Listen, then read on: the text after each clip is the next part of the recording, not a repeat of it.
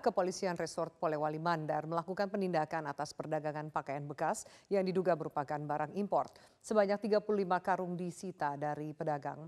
Aparat kepolisian mulai menindak perdagangan pakaian bekas yang diduga merupakan hasil impor dari luar negeri.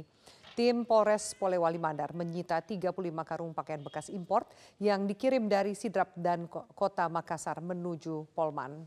Tidak hanya menyita karung berisi pakaian bekas, polisi juga menangkap pemiliknya saat melintas di desa Paku, Kecamatan Binuang.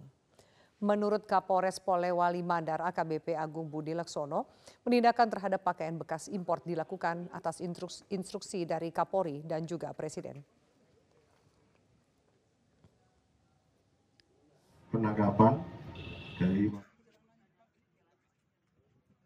di disebarkan dijual di Sulawesi Barat.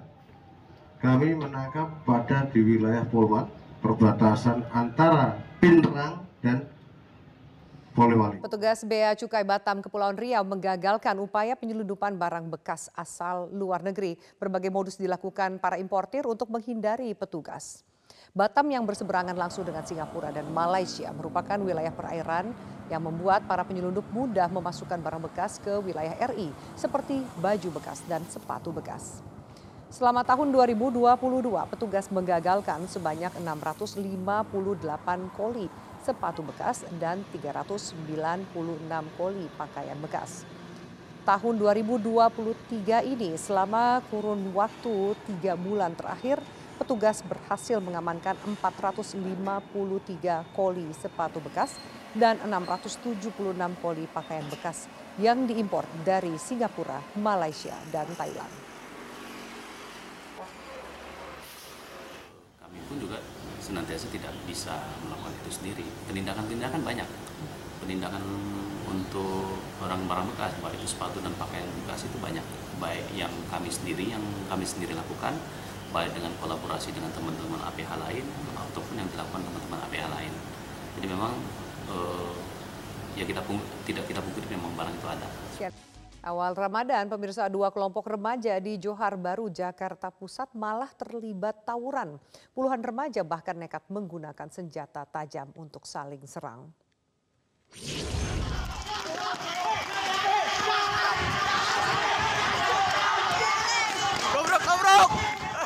Inilah video amatir tawuran antar pemuda di Jalan Keramat Jaya Baru Johar Baru, Jakarta Pusat. Puluhan remaja tanggung ini terlihat menggunakan batu, kayu, hingga senjata tajam untuk menyerang kelompok lain. Aksi tawuran antar dua kelompok remaja terjadi usai sholat subuh di hari pertama bulan Ramadan. Kedua kelompok yang belum jelas asalnya itu tiba-tiba saling serang. Tawuran berhenti setelah dibubarkan oleh sejumlah tokoh masyarakat.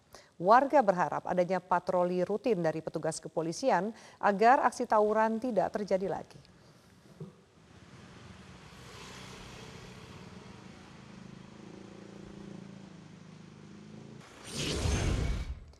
Berikutnya Polresta Barelang Riau menggerbek kampung narkoba dan perjudian. Dari penggerbekan, polisi mengamankan 47 orang, empat di antaranya positif narkoba.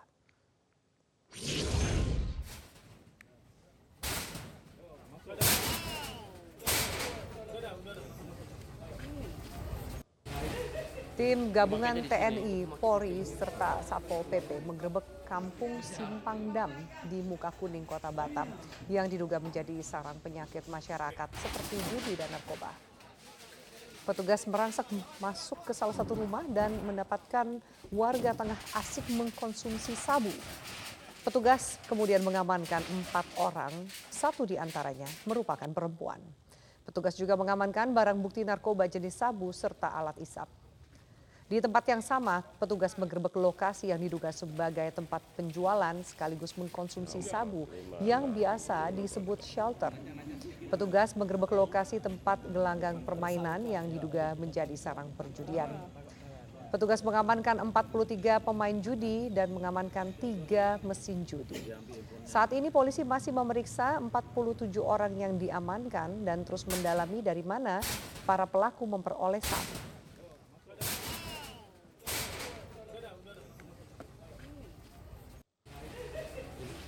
Juga menemukan ada berapa alat bong ya atau alat hisap sabu ada di TKP. Ada empat tadi yang tempat-tempat tempat-tempat yang atau shelter yang diduga untuk tempat untuk transaksi narkoba di situ termasuk pakai di situ juga dengan bukti adanya yaitu adanya alat hisap bong, ya, mencis, alat timbang dan sebagainya. Satu anggota kelompok kriminal bersenjata KKB tewas dalam kontak tembak dengan anggota TNI Polri. Kontak tembak terjadi di Kampung Munindok, Kabupaten Puncak pada Rabu kemarin. Kabit Humas Polda Papua Kombes Pol Beni Adi Prabowo mengatakan kontak tembak terjadi antara aparat keamanan dan KKB adalah kelanjutan dari pengejaran yang dilakukan terhadap pelaku penembakan seorang tukang ojek di Ilaga. Saat melakukan pemantauan melalui udara, terlihat sekitar 20 orang membawa dua pucuk senjata api tengah menyeberang dari kampung Mundidok ke arah kampung Kimak yang kemudian langsung dilakukan tindakan tegas terhadap kelompok itu, terjadilah kontak tembak. Setelah dilakukan pembersihan oleh personil ditemukan seorang anggota KKB berinisial ET tewas tertembak. Petugas menemukan tiga buah amunisi kaliber 5,56 mm dan selongsong amunisi serta noken. Hingga saat ini aparat gabungan terus melakukan patroli di sekitar lokasi.